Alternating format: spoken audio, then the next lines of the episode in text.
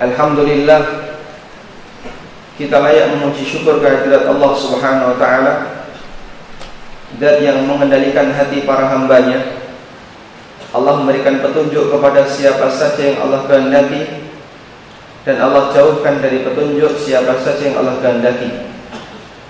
Dan alhamdulillah Allah Subhanahu wa taala memudahkan kita untuk bisa menghadiri majlis salat subuh dan kemudian kita lanjutkan dengan tausiah dengan kajian sampai waktu terbit matahari. Semoga apa yang kita lakukan diberi pahala oleh Allah Subhanahu wa taala berupa pahala haji dan umrah sempurna sebagaimana disebutkan dalam hadis yang diriwayatkan oleh Imam Ahmad. Dan kita juga bersyukur kepada Allah Subhanahu wa taala Allah memberikan kita kondisi yang sangat nyaman kondisi yang sangat aman.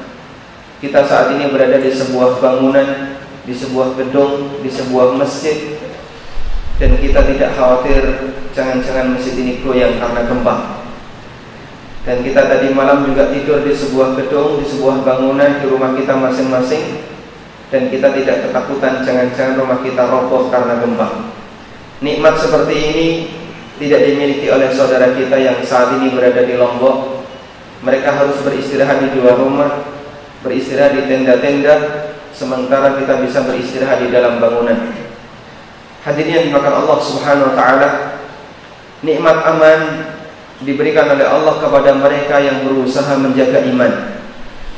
Allah berfirman di surat Al-An'am, "Alladzina amanu wa lam yalbisu imanahum bidzulmin, ulaika lahumul amnu wa hum muhtadun." Orang-orang yang beriman dan mereka tidak mengotori imannya dengan kezaliman.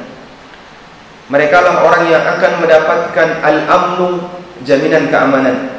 Wahum muhtadun dan mereka yang akan mendapatkan hidayah. Yang dimaksud dengan orang beriman dan tidak mengotori imannya dengan kezaliman, kezaliman di sini maknanya adalah perbuatan kesyirikan. Sebagaimana disebutkan dalam riwayat ketika ayat ini turun para sahabat bertanya kepada Nabi sallallahu alaihi wasallam Ya Rasulullah ayyuna la yadhlim nafsah? Ya Rasulullah ada enggak orang di antara kami yang dia tidak pernah mendolimi dirinya sendiri? Dalam arti dia tidak pernah berbuat maksiat tidak pernah berbuat dosa.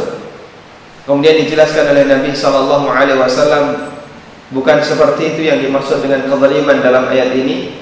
Alam tasma' qaulal 'abdil hakim. Tidakkah kamu memperhatikan perkataan yang disampaikan oleh seorang hamba yang bijaksana yaitu Luqman Al-Hakim? Ya bunayya la tusyrik billah inna syirka la adzim. Wahai putraku janganlah kamu melakukan perbuatan kesyirikan kepada Allah sesungguhnya syirik itu kezaliman yang besar.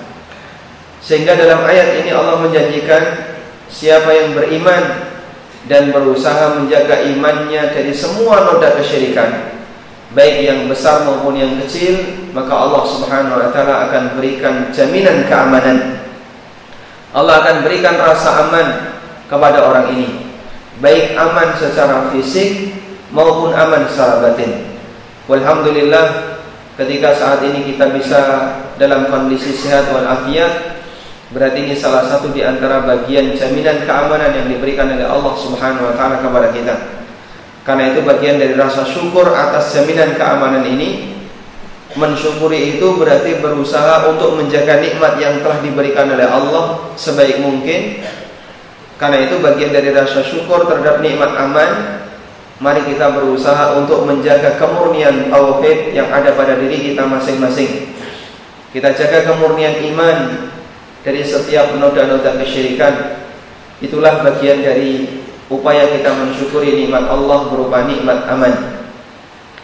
Kemudian hadirin yang dimuliakan Allah, di kesempatan kali ini kita akan membahas tentang satu karakter yang dia dicela oleh Allah Subhanahu wa taala dalam Al-Qur'an termasuk juga dicela oleh Nabi sallallahu alaihi wasallam dalam hadis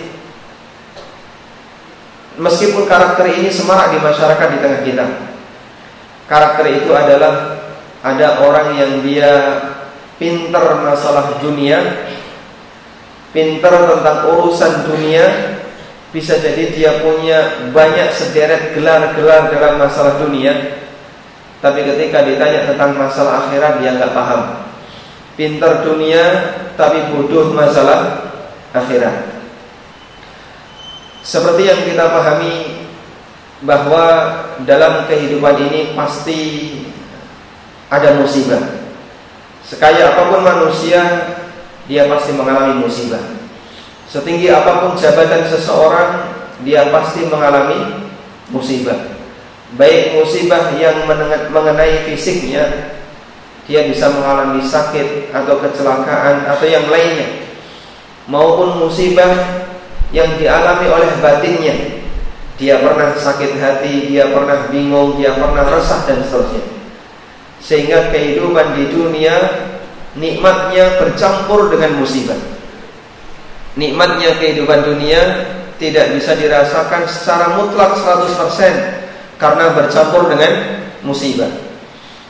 Adam diturunkan oleh Allah Subhanahu wa taala ke dunia bukan dalam rangka untuk mendapatkan kenikmatan, tapi Adam diturunkan oleh Allah ke dunia dalam rangka untuk apa hadirin? Untuk merasakan hukuman. Sebagaimana dinyatakan oleh Hasan Al-Basri beliau pernah mengatakan i'lam inna dunya daru dha'nin wa laysa bidari iqamatin.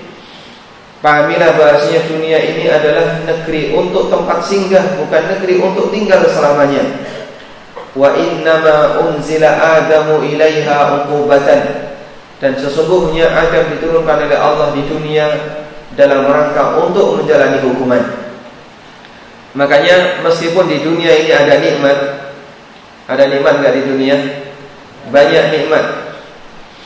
Allah Subhanahu wa taala mengatakan wa in ta'uddu ni'matallahi la tuhsuha. Kalau kamu mau menghitung nikmat Allah, kamu niscaya kamu tidak akan mampu untuk melakukan ihsa di dalamnya. Ta'uddu Adda ya'uddu itu menghitung nikmat persatuan. Satu nikmat dihitung satu.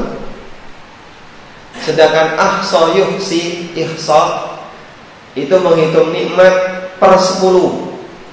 Sepuluh nikmat dihitung satu. Yang Allah nyatakan dalam ayat ini, manusia tidak bisa ihsa. Wa in ta'uddu ni'matallahi la tuhsuha. Allah tidak mengatakan wa in ta'uddu ni'matallahi la ta'udduha.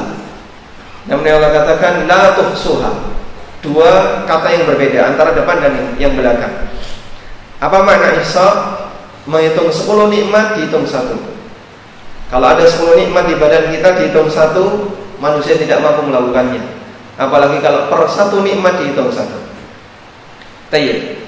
Di dunia ini ada nikmat, tapi nikmat dunia bercampur dengan musibah.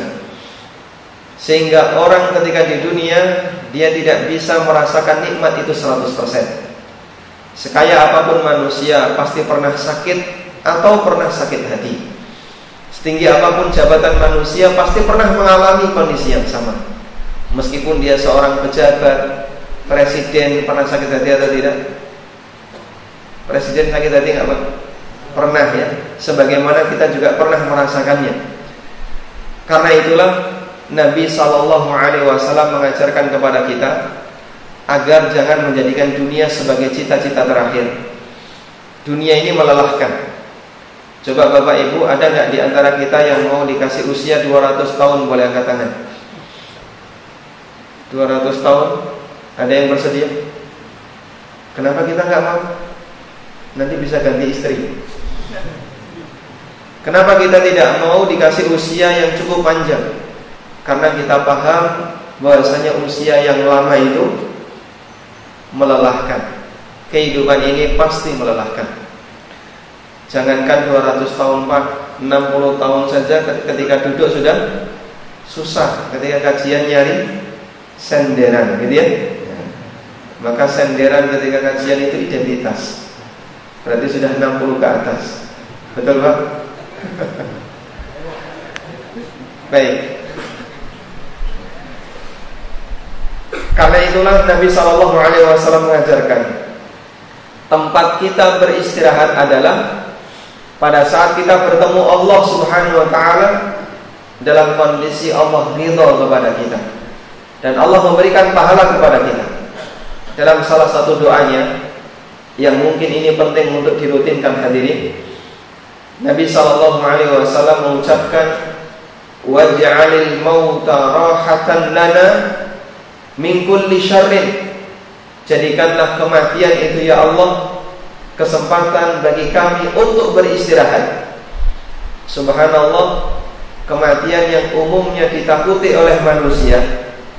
Innal mautal ladzi tafirruna minhu. Kematian yang kalian itu lari darinya umumnya ditakuti oleh manusia. Nabi Shallallahu Alaihi Wasallam justru meminta kepada Allah agar kematian adalah kesempatan untuk beristirahat. Karena kalau di dunia ini kita tidak bisa beristirahat secara 100%. Maka beliau jadikan kematian itulah cita-cita tertinggi beliau dalam kondisi bisa mendapatkan ridha Allah. Sehingga beliau mohon kepada Allah waj'alil mauta rahatan lana min kulli syarrin. Jadikanlah kematian itu ya Allah kesempatan bagi kami untuk beristirahat. Nah, kemudian untuk mengembangkan semangat seperti ini, Buktikan bahwasanya engkau adalah manusia yang punya obsesi terhadap akhirat. Karena itu, jadikan pengetahuanmu tentang masalah akhirat lebih sempurna dibandingkan pengetahuanmu tentang masalah dunia. Maka Nabi Shallallahu Alaihi Wasallam menekankan sebisa mungkin orang itu banyak belajar tentang urusan bagaimana agar dia bisa selamat kelak di akhirat. Sementara masalah dunia silahkan dipelajari Namun jangan sampai porsi dia dalam masalah pengetahuan dunia Lebih dominan dibandingkan porsi dia dalam masalah pengetahuan akhirat Karena ketika orang itu mencintai sesuatu Ditandai dengan apa hadirin? Dia akan berusaha untuk mengenalinya Orang itu ketika senang sama mobil Maka dia akan belajar tentang mobil dia akan pelajari detail yang ada pada mobil. Ketika orang senang sama akik, maka dia akan belajar tentang akik. Bagaimana warna-warni akik dan seterusnya. Ketika orang senang dengan sesuatu, dia senang matematika, dia akan belajar matematika. Dia senang ilmu ekonomi, dia akan belajar masalah ekonomi dan begitu seterusnya. Bukti bahasanya kita senang dengan akhirat ingin agar bisa berbahagia di akhirat, salah satunya dengan apa? Berusaha mempelajari akhirat. Karena itulah Nabi Shallallahu Alaihi Wasallam menggambarkan hal ini dalam doa beliau sebagai pendidikan bagi umatnya. Beliau mohon kepada Allah Subhanahu Wa Taala agar jangan sampai ilmu beliau hanya sampai pada taraf dunia saja, dan agar jangan sampai obsesi beliau, cita-cita beliau hanya ada pada tingkatan dunia saja. Rasulullah sallallahu alaihi wasallam pernah mengatakan wala taj'alid dunya akbar hammina wa mablagha ilmina. Jangan kau jadikan dunia ya Allah akbar hammina sebagai cita-cita terbesar kami wa mablagha ilmina dan puncak pengetahuan kami. Nek bahas dunia bisa detail, paham, ngerti, tapi ditanya pripun carane wudhu yang sesuai syar'i, gak ngerti. Ya semoga wudhu ya kayak ini mas, kan orang tuaku ngajari seperti ini. Bagaimana cara sholat yang sesuai dengan sunnah Nabi Sallallahu Alaihi Wasallam? Gak ngerti. Ditanya rukun sholat apa pak? Gak tahu. Dan masih banyak orang seperti itu hadirin. Bahkan ada orang yang nggak ngerti selesai hubungan badan harus mandi besar. Ada masih banyak orang seperti itu nggak? Orang kaum muslimnya nggak ngerti seperti ini. Sehingga dia bertahun-tahun karena nggak pernah tahu seperti itu dia muslim. Ketika Ramadan puasa pada saat Idul Fitri yaitu sholat ini, tapi nggak ngerti apa yang harus dilakukan oleh seseorang ketika dia mau ibadah. Selesai hubungan bahkan dia nggak ngerti kalau dia punya kewajiban harus mandi junub. Masih banyak orang yang nggak ngerti seperti ini. Tapi kalau sudah disuruh bahas masalah pasar saham, wah, dia bisa paham detail ya. Kalau dia disuruh bahas misalnya masalah otomotif, aneka warna mobil dia ngerti. Dia paham masalah dunia tapi buta masalah akhirat. Allah Subhanahu wa taala mencela karakter seperti ini di surat Ar-Rum ayat yang ketujuh.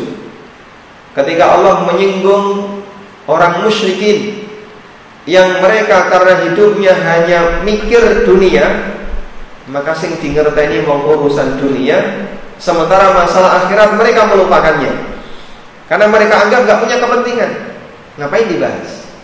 Orang itu kalau merasa tidak punya kepentingan, dia nggak mau bahas. Begitu ya. Tapi kalau dia punya kepentingan, dia akan serius untuk membahasnya. Ada sebagian orang ketika kajian, jika yang ngisi seorang ustadz atau dai nggak serius mendengarkan. Tapi kalau yang ngisi dokter itu serius didengarkan. Karena dia merasa kebutuhan saya ada pada bagaimana cara menjaga kesehatan fisik. Tapi kalau bagaimana cara menjaga kesehatan batin, aku yang ngerti. Atau dia sudah merasa paham atau punya latar belakang yang lainnya. Allah Subhanahu wa taala mengatakan, "Ya'lamuna dhahiran minal hayati dunya wa hum 'anil akhirati hum ghafilun." Ada sebagian orang yang dia paham bagian tohir dari kehidupan dunia Namun dalam masalah akhirat mereka lalai Dalam masalah akhirat mereka lupa Ini salah satu di antara celaan yang diberikan oleh Allah subhanahu wa ta'ala Kepada orang yang dia serius dalam masalah dunia Ngerti masalah dunia Tapi buta masalah akhirat yang dimaksud masalah akhirat itu seperti apa hadirin? Semua ilmu yang berkaitan dengan kebahagiaan kita di akhirat Baik ilmu yang terkait dengan urusan batin Seperti ilmu akidah Bagaimana menata hati Agar kita punya ideologi yang benar Keyakinan yang benar Ataupun ilmu yang terkait dengan amalan fisik Yang wajib kita kerjakan Sebagai tugas dari Allah subhanahu wa ta'ala seperti ilmu fikih ibadah. Dua-duanya wajib kita pelajari karena ini yang nantinya akan mengantarkan kebahagiaan manusia di alam akhirat. Sementara ilmu dunia sifatnya terbatas. Betul dia dibutuhkan oleh manusia, tapi hanya terbatas untuk kepentingan dunia saja.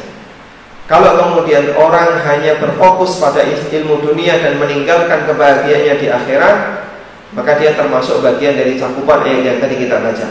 Ya'lamuna zahiran minal hayati dunya wa hum 'anil akhirati hum ghafilun. Mereka paham tentang bagian zahir kehidupan dunia sementara masalah akhirat mereka melupakannya, tidak pernah mempelajarinya. Karena itulah disebutkan dalam hadis yang lain yang diriwayatkan oleh Hakim Nabi sallallahu alaihi wasallam pernah bersabda, "Innallaha yubghidu kulla alimin bid dunya wa jahilin bil akhirah. Allah membenci orang yang paham tentang urusan dunia tapi dia bodoh dalam masalah jahil dalam masalah akhirat. Hadis riwayat Hakim. Sehingga jamaah yang Allah kalau kita paham seperti ini maka kita akan mengalihkan keberpihakan mana yang seharusnya lebih saya seriusi ilmu yang saya butuhkan untuk kebahagiaan akhirat ataukah ilmu yang saya butuhkan untuk kebahagiaan dunia? Dan di antara karakter orang yang pintar dalam masalah dunia tapi lupa akhirat umumnya orang itu sangat cinta kepada dunia. Makanya dia punya kegiatan lebih sibuk untuk urusan dunia dibandingkan urusan akhirat. Sampai itu memberikan pengaruh kepada karakternya sehingga dia tidak mau bermuamalah dengan baik kepada orang lain. Jadi orang yang pelit, gampang bermasalah dengan orang lain, ketika bertransaksi selalu saja pasti terjadi pertengkaran. Jual beli dengan A nggak mau kalah, urusan dengan B nggak mau kalah, urusan dengan C nggak mau kalah. Itu karakter orang yang terlalu cinta kepada dunia warisan pokoknya saya harus menang sendiri dapat paling banyak model-model orang pokoknya yang penting kudu badi karena mana di mana pun saya berada ke mana pun saya berbisnis saya harus menang. Dan masih banyak orang yang seperti itu. Nabi Shallallahu Alaihi Wasallam mengingatkan dalam hadis yang diriwayatkan oleh Ibnu Hibban. Beliau mengatakan Inna Allah yubghidu kulla ja'dhariyin jawab Allah sangat membenci setiap orang yang punya karakter ja'dari. Apa itu karakter ja'dari? Ja'dariyin artinya dia merasa sombong dengan dunianya. Nek duit duit oke. Apa kata orang Jawa? Peteta petete gitu ya. Jadi di depan orang lain dia merasa bangga karena dia merasa kaya. Ja'dariyin. Dia merasa bangga karena dia merasa punya status sosial. Ini karakter yang disebut oleh Nabi SAW dengan jabdori. Bangga di hadapan orang lain karena dia merasa lebih punya status sosial baik karena kekayaannya atau karena jabatannya atau karena apa pun yang dia miliki. Jawadin dan dia jawab rakus dalam urusan dunia. Sahabin bil aswaq jifatun bil lail wa himarun bin nahar. Dia suka teriak-teriak di pasar. Maksudnya apa? Suka teriak di pasar, gampang punya masalah ketika berinteraksi dengan orang lain. Senang padu, nek tuku pokoknya kudu menang. Sampai harus direwangi padu ketika nganyang. Ada orang seperti itu Pak ya? Jadi ketika dia nawar Begitu selesai transaksi ya tegak Jifatun bilai Di waktu malam Seperti bangkai. Tidak melakukan Salat malam. Ketika malam harinya dia seperti bangkai. Sama sekali tidak ada kesempatan untuk mengingat Allah Ta'ala. Himarun bin nahar Di siang hari seperti himar keledai. Pekerjaannya hanya sebagaimana layaknya binatang pokoknya yang penting warak. Saya digolai yang dipikir hanya urusan dunia. Alimun bid dunya jahilun bil akhirah. Pinter masalah dunia tapi bodoh masalah akhirat. Ini karakter-karakter yang dicela oleh Rasulullah SAW dan biasanya karakter seperti ini saling berkesinambungan. Nyambung antara satu dengan yang lain Orang ketika punya fokus dalam urusan dunia Terlalu mengejar dunia Biasanya diikuti dengan karakter yang dori. Selalu bangga Merasa bangga dengan urusan dunia. Punya satu kebanggaan ya, Dipajang di mana-mana. Kita tidak tahu kenapa orang itu terlalu bangga dengan kendaraan. Banyak orang ketika mau naik pesawat Sebelum naik ngapain hadirin? Selfie dulu. Sebelum naik selfie. Terus mau dipakai apa kayak gitu? Nanti di share. Alhamdulillah sudah bisa naik pesawat, gitu ya. Naiknya layar, selfie-nya pakai Garuda.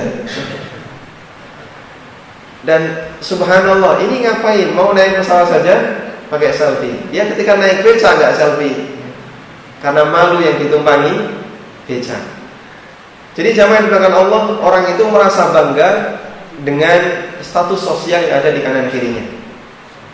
Makanya kondisi seperti ini dicela oleh Allah dalam Al-Qur'an.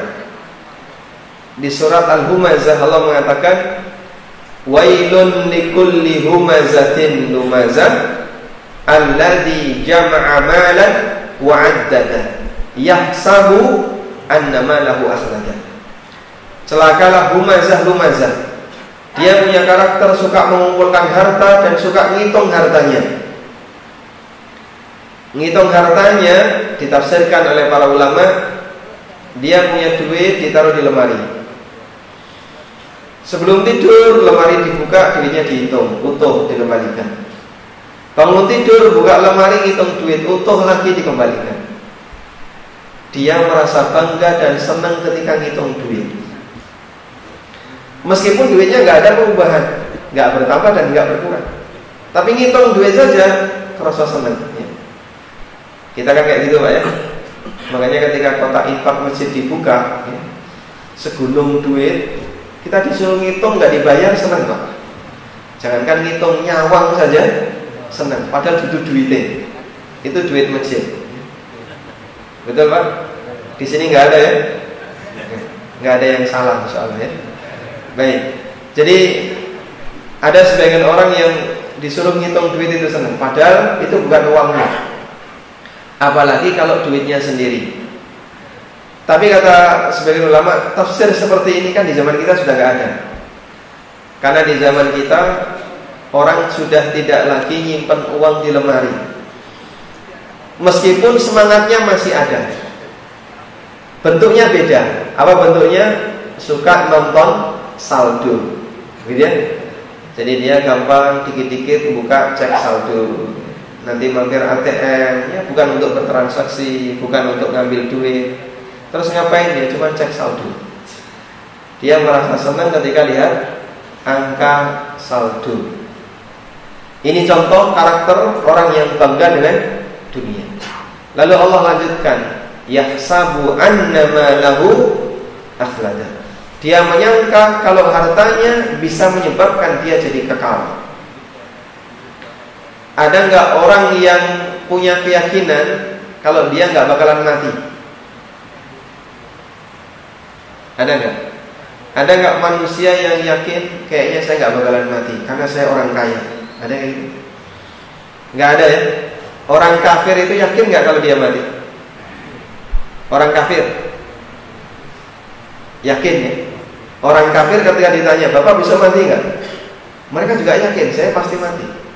Sehingga baik muslim maupun kafir, muslim maupun non muslim semuanya punya keyakinan besok pasti mati. Nah yang jadi pertanyaan kenapa di sini Allah Subhanahu wa taala mengatakan yahsabu anna lahu akhlada. Dia menyangka kalau hartanya akan menyebabkan dia jadi kekal. Maknanya kata para ulama, dia menyangka ketika dia punya harta maka masa depannya akan terjamin.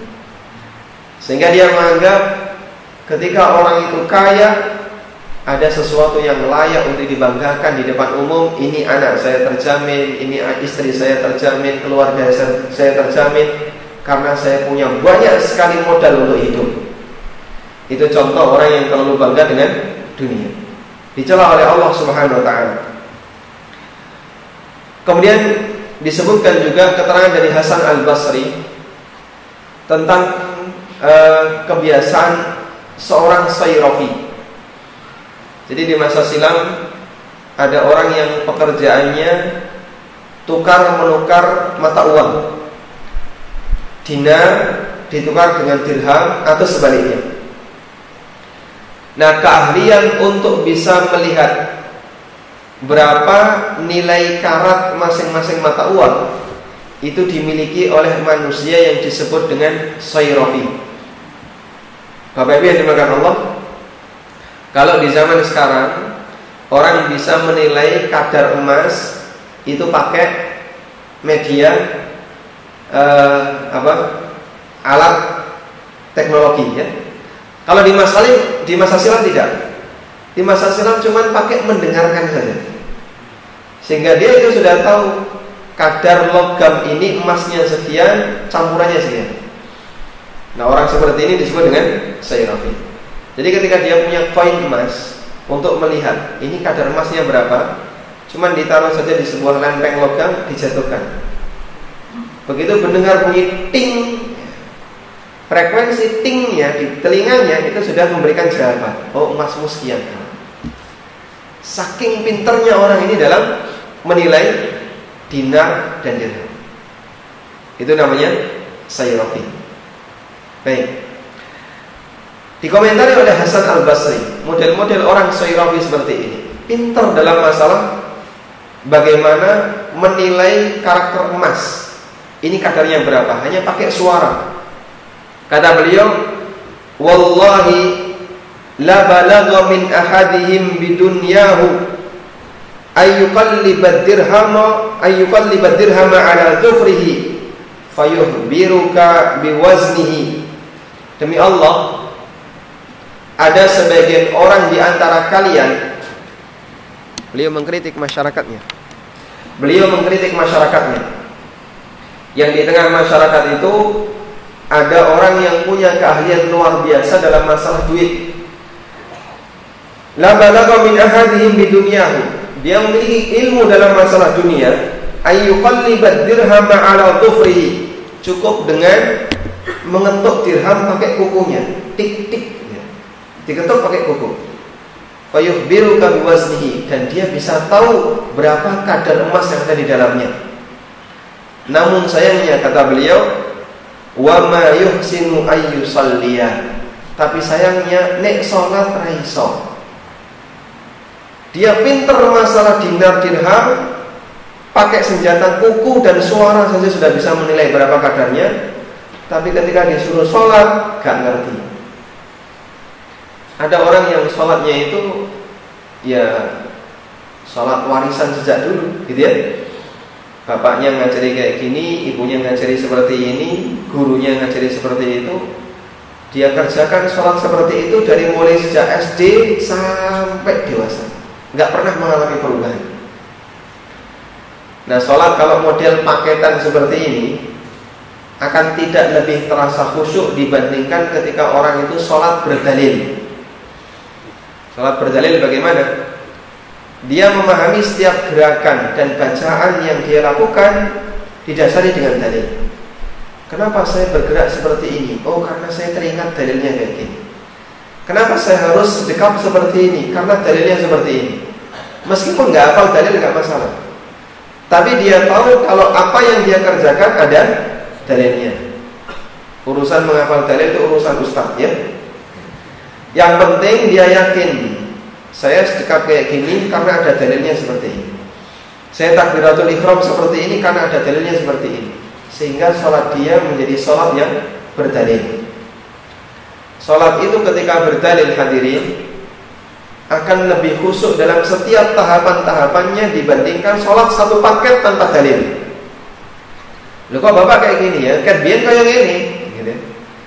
Kalau cuma dia ber, uh, bermodal sejak dulu seperti ini, maka yang dia kerjakan tidak sampai merenungkan apa dalil di balik itu. Makanya agar setiap ibadah kita didasari dengan dalil, dengan ilmu, upaya yang bisa kita lakukan adalah coba masing-masing kegiatan ibadah yang kita lakukan itu didasari dengan referensi. Kita punya pegangan referensi untuk sholat, kita punya pegangan referensi untuk zakat, puasa dan seterusnya. Agar setiap ibadah yang kita lakukan punya referensi. Jangankan yang seperti ini masalah ibadah urusan akhirat, urusan dunia saja. Dosen kalau ngomong sebuah teori tanpa referensi diterima nggak? Loh, kenapa tidak diterima? Karena Anda tidak boleh membuat ilmu baru. Sehingga ketika Anda mau menyampaikan sebuah teori, membuat sebuah kesimpulan, harus ada referensinya. Bapak ngajar tentang masalah apa misalnya? e, matematika seperti ini itu referensinya buku apa? Dia harus bisa mempertanggungjawabkan. Saya biasanya saya baca buku seperti ini. Bapak ngajar masalah kesehatan kayak gini referensinya buku apa? Dia akan tunjukkan. Karena setiap ilmu itu harus punya referensi. Apalagi dalam setiap ibadah yang kita kerjakan. Sudah? Kalau bisa masing-masing rumah punya buku referensi sholat punya buku referensi tata cara puasa, referensi zakat, referensi kalau sudah berangkat haji atau umroh punya bukunya, ada referensinya. Masing punya masing-masing punya referensi. Nah pada saat kita ditanya, kok sholat bapak sudah ada perubahan, kita bisa memberikan jawaban. Ini referensi saya, silahkan dipelajari. Sehingga semuanya berdasar hadirin. Tidak sebatas ikut-ikutan atau hasil pelajaran dulu di masa silam sementara kita tidak punya referensi yang detail dalam masalah ini. Ini salah satu di antara upaya agar kita tidak sebagaimana dinyatakan oleh Hasan Al Basri, pinter urusan dunia, tapi di konsolat orang ngerti. Dia nggak paham tentang masalah bagaimana cara sholat yang benar. Baik. Kemudian jamaah belakang Allah Subhanahu Wa Taala ada satu hal yang sedikit aneh di masyarakat kita tentang bagaimana cara orang tua memotivasi anak. Di tempat kita itu anak disebut berprestasi ketika dia pinter masalah pelajaran umum terutama. Dia pinter fisika, pinter matematika, pinter biologi. Nah itu dianggap anak yang cerdas. Makanya biasanya anak yang pinter ilmu-ilmu eksak seperti ini diarahkan ke mana nanti? Nih iso ya jadi dokter. Kalau bisa kamu jadi apa misalnya insinyur, kamu kuliah di jurusan ini di jurusan ini. Dia diarahkan murni untuk materi dunia. Tapi kalau anak itu rankingnya rodok ngisor ya, EQ-nya rodok jongkok, maka nanti orang tua SB mondok lain ya. Jadi pondok itu dipilihkan untuk anak yang kira-kira secara uh, apa kepandaian EQ-nya lebih rendah.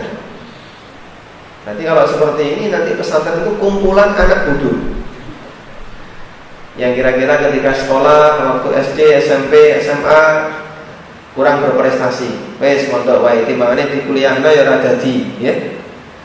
Tapi mereka anak-anak yang cerdas, yang punya potensi di dunia pendidikan diarahkan kepada ilmu umum. Jadinya mereka yang belajar masalah agama itu anak sisa, gitu ya. Pokoknya sisa-sisa yang kira-kira daftar kene ra daftar kene ra daftar kene ra terakhir mondok. Tetangga saya banyak yang seperti itu. Jadi anaknya dimotivasi lulus SMA daftar ke UGM atau ke UNER atau ke universitas-universitas negeri untuk jurusan ilmu eksak atau minimal jurusan ilmu yang laku di dunia pasar bursa usaha. Nah ketika daftar A, B, C, D ditolak semuanya nggak laku, grade-nya kurang tinggi, terakhir dikon mondok. Nah, timbangannya nih ngomong nganggur wes mondok yang ngapal Quran. Berarti kalau kayak gini caranya Anak itu sudah diarahkan Untuk belajar urusan dunia lebih awal Agama nomor yang kesekian kali Biasanya kalau UNPTN Kalau sekarang namanya apa? SPM ya SPM Apa itu? Seleksi bersama Masuk kuliah Baik Ketika orang itu SBM dia punya banyak pilihan ya. Pilihan satu, pilihan dua, pilihan tiga. Dan itu kan passing grade-nya beda. Pilihan satu yang paling dhuwur, dua yang agak rendah, tiga yang kira-kira orang kecantol dua, satu, dua nyantol tiga. Satu, dua, tiga gagal, melbu pondok. Ini masyarakat di tengah kita. Baik, jadi zaman belakang Allah Subhanahu Wa Taala kalau seperti ini cara berpikirnya, berarti nanti calon-calon ulama itu berawal dari orang yang secara umum EQ-nya rendah. Tayyip. Tapi walhamdulillah ternyata kondisinya berubah. Banyak para mahasiswa yang mereka kuliah di kedokteran atau di jurusan teknik atau di berbagai macam jurusan eksak, begitu mereka kuliah menemukan komunitas yang berbeda. Tidak sebagaimana cita-citanya waktu dulu waktu SMA. Ketika dia kuliah, dia melihat ada kajian A, B, C, D. Allah Subhanahu wa taala menyebarkan hidayah di tengah mereka sehingga mereka mengarah kepada apa yang mereka butuhkan untuk kehidupan realnya. Mereka ingin belajar sholat yang benar. Mereka ingin belajar akidah yang benar. Akhirnya di samping kuliah mereka juga jadi santri. Santri di berbagai macam forum-forum kajian di sekitar kampus. Alhamdulillah ada di antara mereka yang justru lebih dominan di ilmu agama dibandingkan ilmu umumnya. Dia tetap melanjutkan kuliah sampai lulus, tapi di saat yang sama dia juga punya ilmu agama. Fadlun minallah. Ini karunia dari Allah Subhanahu wa taala. Dan jamaah yang Allah Salah satu di antara ciri orang yang tidak disukai oleh Allah adalah orang itu lebih serius menekuni sesuatu yang tidak dibutuhkan untuk kehidupannya.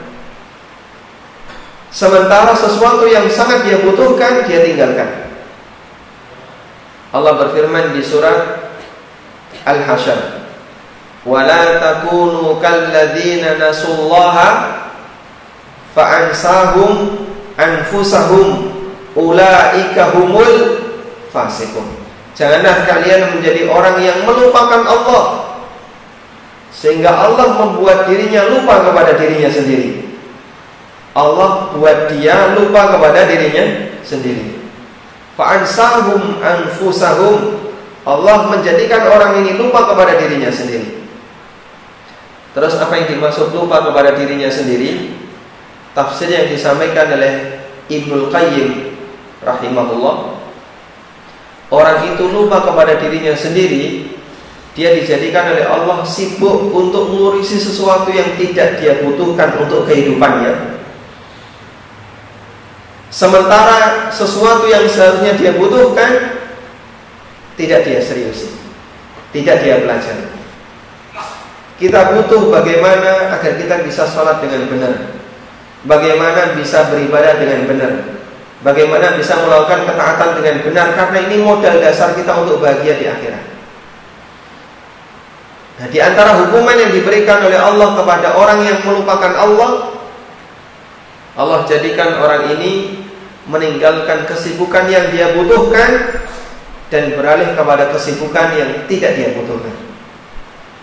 Ada orang terlalu sibuk misalnya tentang otomotif. Setiap hari pekerjaannya yang dipikir pokoknya otomotif. Ya ketika punya mobil yang dipikir bagaimana cara merias mobil. Gitu ya. Aksesoris A, nanti kurang tambah aksesoris B, kurang lagi tambah aksesoris C. Lebih sibuk mikir mobil dibanding mikir bujuni. Nah orang seperti ini justru menjadi pelayan kendaraan dibandingkan kendaraannya melayani dirinya. Sehingga dia dibuat oleh Allah sibuk untuk melakukan sesuatu yang kurang dibutuhkan bagi kehidupannya. Sementara sesuatu yang dia butuhkan tidak pernah dia pelajari, tidak dia seriusi.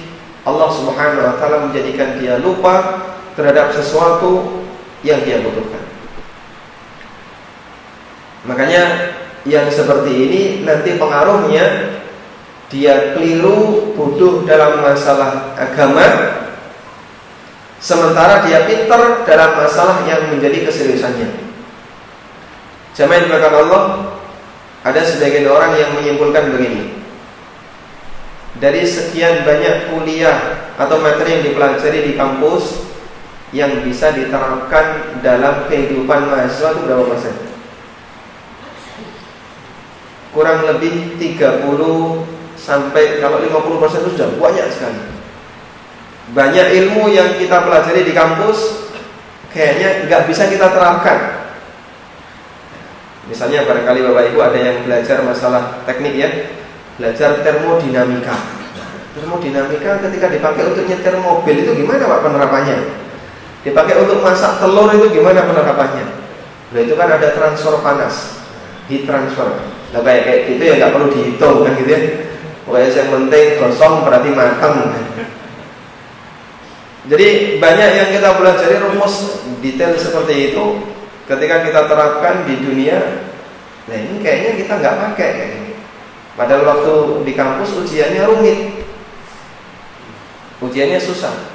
Kita belajar kalkulus 1, 2, 3 Tapi ketika praktek di lapangan Ini kalkulus 3 bisa dipraktekkan di pasar atau tidak Bakul nggak perlu kalkulus tiga. Lah terus yang kita pelajari dipakai apa? Ya, sementara ini hanya untuk prasyarat. Sudah waktu dulu ya. Prasyarat untuk bisa lulus. Nah ini sangat disayangkan. Kita serius untuk sesuatu yang mungkin tidak banyak kita butuhkan. Sementara yang kita butuhkan kita tinggalkan. Tayyib. Nah selanjutnya kalau kita sadar seperti ini Selanjutnya adalah terus perhatian kita kita arahkan ke mana. Jangan sampai kita dicela oleh Allah disebabkan karena kita kondisi bodoh dalam masalah akhirat. Ibnu Qayyim pernah mengatakan, "Kullu ma kana fil Qur'ani min madhil 'abdi fa huwa min thamratil ilmi." semua pujian yang Allah arahkan kepada hamba yang ada dalam Al-Quran itu bagian dari buahnya ilmu agama. Wa kullu min dhammin min jahli. Dan semua celaan yang Allah arahkan kepada manusia dalam Al-Quran itu bagian dari hasil kebodohan orang terhadap masalah agama. Kalau kita ingin menjadi orang yang dipuji oleh Allah, maka berusaha untuk mendekat kepada masalah ilmu agama. Wallahu taala alam. Mungkin demikian yang bisa kita sampaikan sebagai mukaddimah. Kita sudah masuk uh, terbit matahari, tapi tolong ditunda sampai 15 menit ya. Karena waktu ini adalah waktu ketika matahari berada di garis terbit. Dan itu termasuk waktu yang dilarang untuk sholat sunnah Ditunggu sampai dia setinggi kurang lebih satu tombak.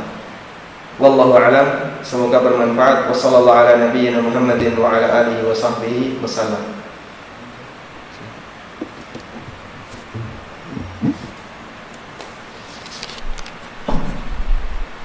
Bismillah, silakan mungkin ada pertanyaan dari jawab Tolong satu, dua, tiga. Ada yang tanya?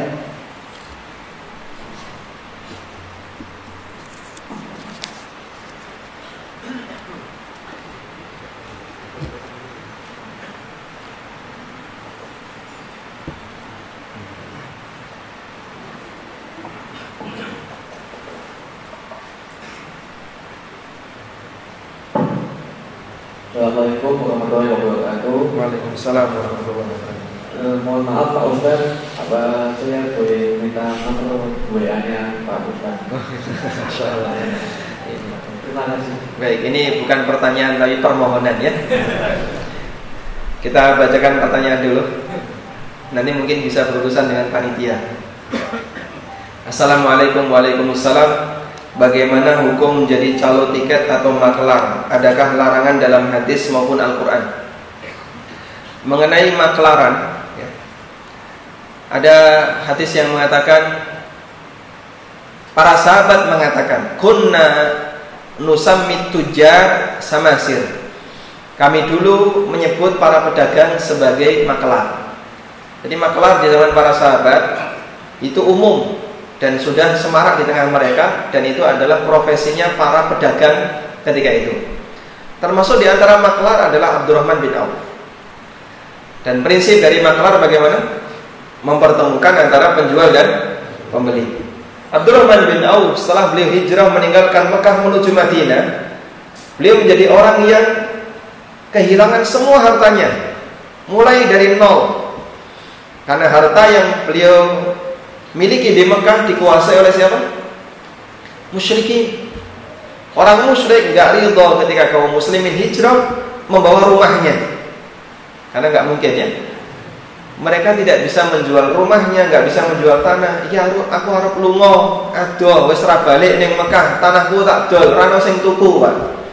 Nah, ngapain dibeli sebentar lagi kamu tinggalkan, tinggal kita kuasai.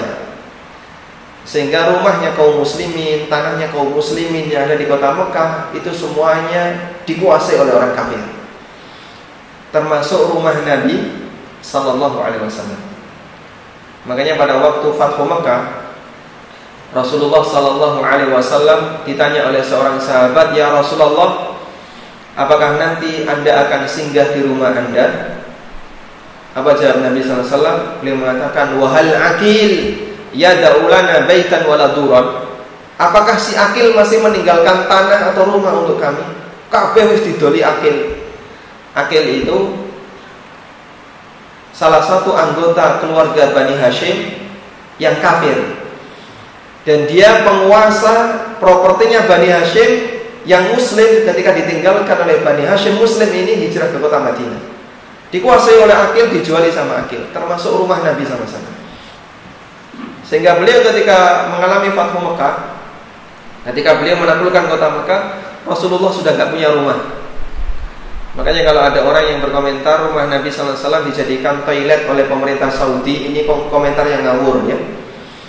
Karena Nabi Wasallam sudah tidak punya rumah sejak beliau hijrah. Dan ketika beliau balik lagi ke kota Mekah, ketika Fathu Mekah, rumah itu sudah dimiliki oleh akil dan sudah dijual sama akil, bukan milik beliau lagi. Tayyib. Nah, apa yang dilakukan oleh Abdurrahman ketika beliau mengawali bisnis karir bisnis beliau dari nol? Beliau minta ditunjukkan di mana pasar. Setelah beliau di pasar, beliau mempertemukan antara penjual dan pembeli. Beliau pelajari karakter-karakter penjual di pasar itu plus barang dagangannya. Si fulan, si A, apa saja yang dijual. Si B, apa saja yang dijual. Lengkap, dapat data, tinggal ditunggu di depan pasar. Ada orang masuk pasar ditanya, Bapak butuh barang apa? Butuh barang ini. Dipertemukan. Saya antarkan ke tempat yang bagus. Dan begitu seterusnya dengan cara seperti ini Abdurrahman bisa mendapatkan upah Beberapa waktu kemudian Abdurrahman berhasil membawa emas sebesar satu biji kurma. Bapak Ibu lihat kurma dengan ukuran segitu, bentuknya emas. Kira-kira berapa gram? Ya, kita nggak pernah nimbang ya. Lihat saja nggak pernah apalagi nimbang. Ya. Baik, intinya banyak. Tapi seperti itulah pekerjaan yang diberkahi oleh Allah Subhanahu wa taala. Sehingga menjadi maklar selama dia diizinkan oleh pemilik barang silahkan Anda jualan tiket kemudian ada kawan yang minta boleh nggak saya ikut menjualkan kemudian nanti saya dapat fee jika pemiliknya mengizinkan silahkan syarat jadi maklar adalah diizinkan oleh pemilik wallahu a'lam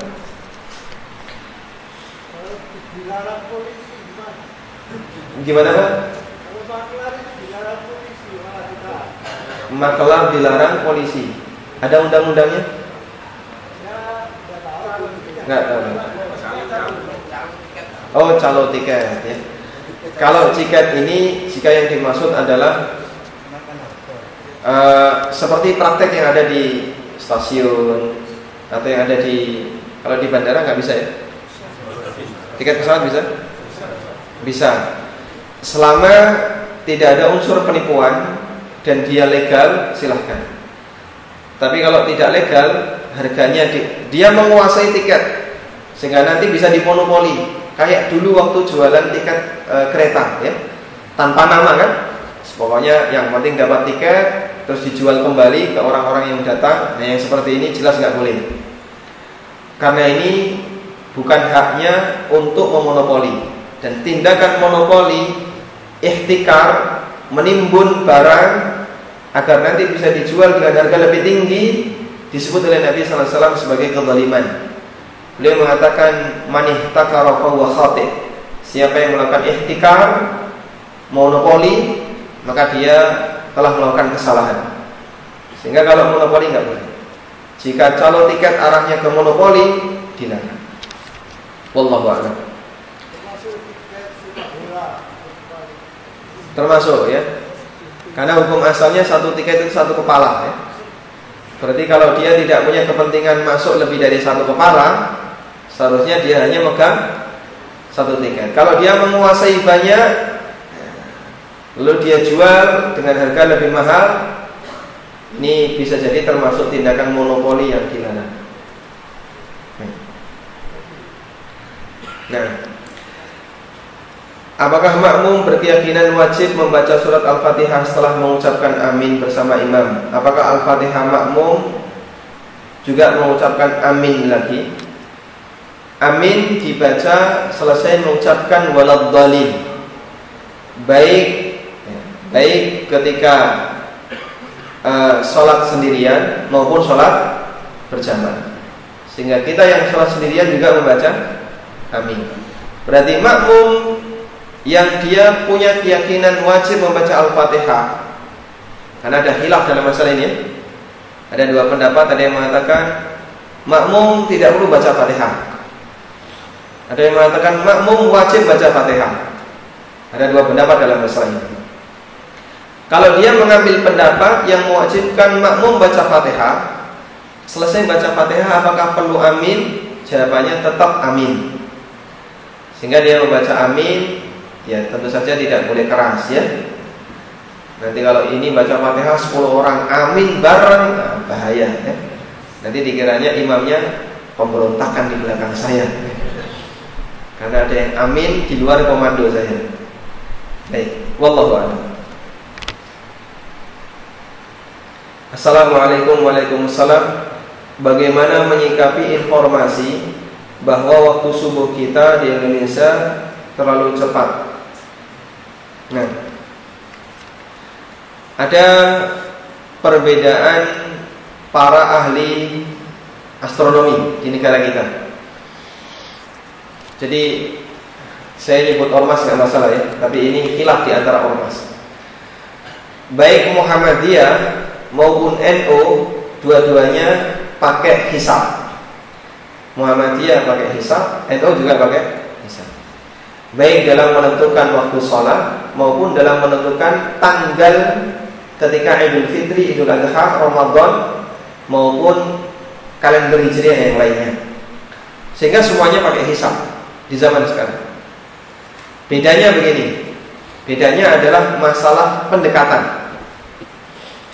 Kalau Muhammadiyah menggunakan pendekatan wujudul hilal. Kalau NU menggunakan pendekatan imkanur ru'yah. Ada wujudul hilal, ada imkan ar-ru'yah. Podo-podo ngitung, Pak. Tapi beda pendekatan.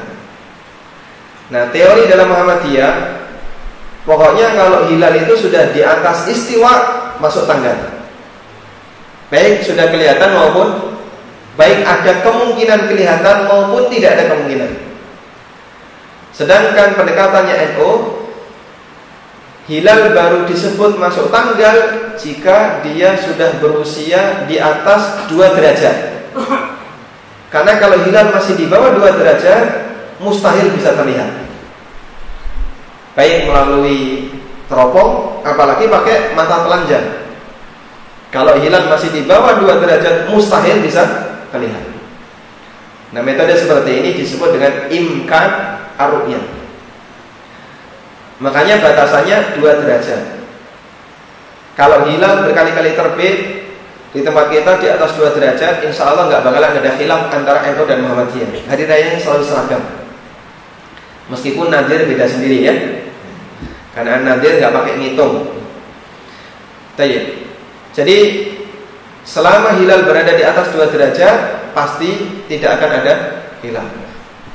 Makanya tahun berapa itu waktu Pak JK eh, jadi wakil presidennya Pak SBY ya. Sempat terjadi perbedaan antara Muhammadiyah dan NU dan Pak JK ingin coba ini disatukan. Gimana caranya biar kalian tidak ribut saja. Masuk setiap kali tanggal 1 Idul Fitri selalu beda. Gimana caranya menyatukan umat? Pak JK akan menyarankan yang Muhammadiyah tolong naik satu derajat, kan gitu ya? NU turun satu derajat kan beres jadinya kan? Kompromi di satu derajat. Kenapa kok nggak bisa? Gitu? Namun dikomentari oleh sebagian tokoh e, di dua ormas ini, kalau pakai prinsip seperti ini, ini prinsip pedagang, kan gitu ya? Cash and carry. Jadi yang satu nawar di sini, yang satu nawar di sini disatukan, tawar menawarnya ditengahkan gini ya biar ketemu harganya. Ya, khilaf seperti ini memang bukan khilaf yang dibuat-buat, tapi ini khilaf yang terjadi karena perbedaan istilah. Nah, termasuk juga dalam menentukan waktu sholat subuh. Menurut hisabnya NO yang itu diwakili oleh Profesor Jamaluddin Thomas. Menurut Pak Thomas, bahasanya pendekatan yang beliau gunakan yang ada di uh, hisapnya NU itu sudah benar. Jadi waktu tulu minus 20 derajat. Minus 20 derajat. Sedangkan menurut pendekatan Muhammadiyah yang diwakili oleh Profesor Tono, dua-duanya ahli astronomi, kalau kata Profesor Tono, minus 20 derajat itu terlalu bawah. Sehingga fajar belum kelihatan menurut beliau ya maka perlu dinaikkan. Sehingga Muhammadiyah menggunakan minus 18 derajat. Kalau 20 derajat itu belum masuk waktu subuh. Tayyib. Ala kulli hal di sini ada khilaf. Ada berbeda. Nah, mana yang paling benar? Kalau sementara ini pemerintah kita berdasarkan waktu sholat abadi yang diterbitkan oleh Depak lebih menggunakan hisab ormas pertama, ya, mengikuti uh, perhitungan yang disampaikan oleh Pak Thomas. Sementara beberapa kalender yang sudah dibuat oleh Muhammadiyah termasuk beberapa kampus yang ada di Jogja seperti UII ya, YI kan punya banyak ahli hisab Mereka menggunakan pendekatan yang berbeda Bahkan kalau YI minus 15 derajat Saya pernah berangkat dari rumah ke kampus YI Ngisi kultum subuh Pak. Saya berangkat dari rumah Sudah terdengar adzan Padahal perjalanan normal Kalau siang hari bisa 20 menit Waktu subuh ya kurang dari itu ya Saya kebut Pak Kebut, naik motor Sampai di tujuan baru ada. Padahal tadi di rumah sudah ada. Jadi mereka waktu subuhnya ditunda. Itu subuh ditunda. Jadi yang lain pada ada yang di UI masih makan sahur. Karena menurut mereka ini belum masuk waktu subuh. Terus kalau kita gimana? Wallahu a'lam saya sendiri kebingungan dalam menentukan tarjih seperti ini ya. Karena masing-masing punya latar belakang yang berbeda-beda. Intinya kalau misalnya mau main aman, main aman ya, e, posisi komatnya saja yang ditunda. Jadi adanya tetap di situ. Nanti ikomahnya mungkin ditunda 10 menit atau 15 menit, menjamin agar kita yakin subuhnya insya Allah nggak kecepatan. Masalah adanya Pak nanti adanya kecepatan gimana? Ya wallahu a'lam apakah betul itu kecepatan atau tidak. Tapi subuhnya minimal kita sangat yakin tidak kecepatan. Nah, apakah notaris sebagai pencatat dan saksi transaksi riba? Nabi Shallallahu Alaihi Wasallam pernah melaknat lima orang karena riba. Dalam hadis dari Jabir bin Abdullah beliau mengatakan, "La'ana Rasulullah sallallahu alaihi wasallam akila riba wa mukilahu wa katibahu wa syahidai. Rasulullah melaknat lima orang karena riba yang makan banknya, ya, yang memberi makan nasabahnya, yang mencatat notulennya. Notulen akad siapa? Notaris. Ada pihak pertama, pihak kedua dicatat. Yang menjadi saksi, notaris masuk gak? notaris memberi, menjadi saksi bahwa akad yang dilakukan legal secara negara. Sehingga di sini ada bukti, ada AJB, ada apa lagi? PJB dan seterusnya. Surat seperti ini kita datangi oleh notaris sah di sini tidak ada pelanggaran dalam hukum negara. Berarti posisi notaris sebagai apa? Saksi transaksi ini sah maka notaris kepentung dua kali sebagai notulen dan juga sebagai saksi. Sekarang sudah ada notaris anti riba, NTR, notaris tanpa riba. Ikut-ikutan yang lain, ada uh, masyarakat tanpa riba, pengusaha tanpa riba. Kemudian notarisnya juga ikut notaris tanpa riba. Wallah, pencekap ini. Demikian yang bisa kita bahas. Terima kasih atas perhatiannya. Mohon maaf jika ada banyak kekurangan. Semoga Allah memberkahi apa yang kita pelajari. Wassalamualaikum warahmatullahi wabarakatuh.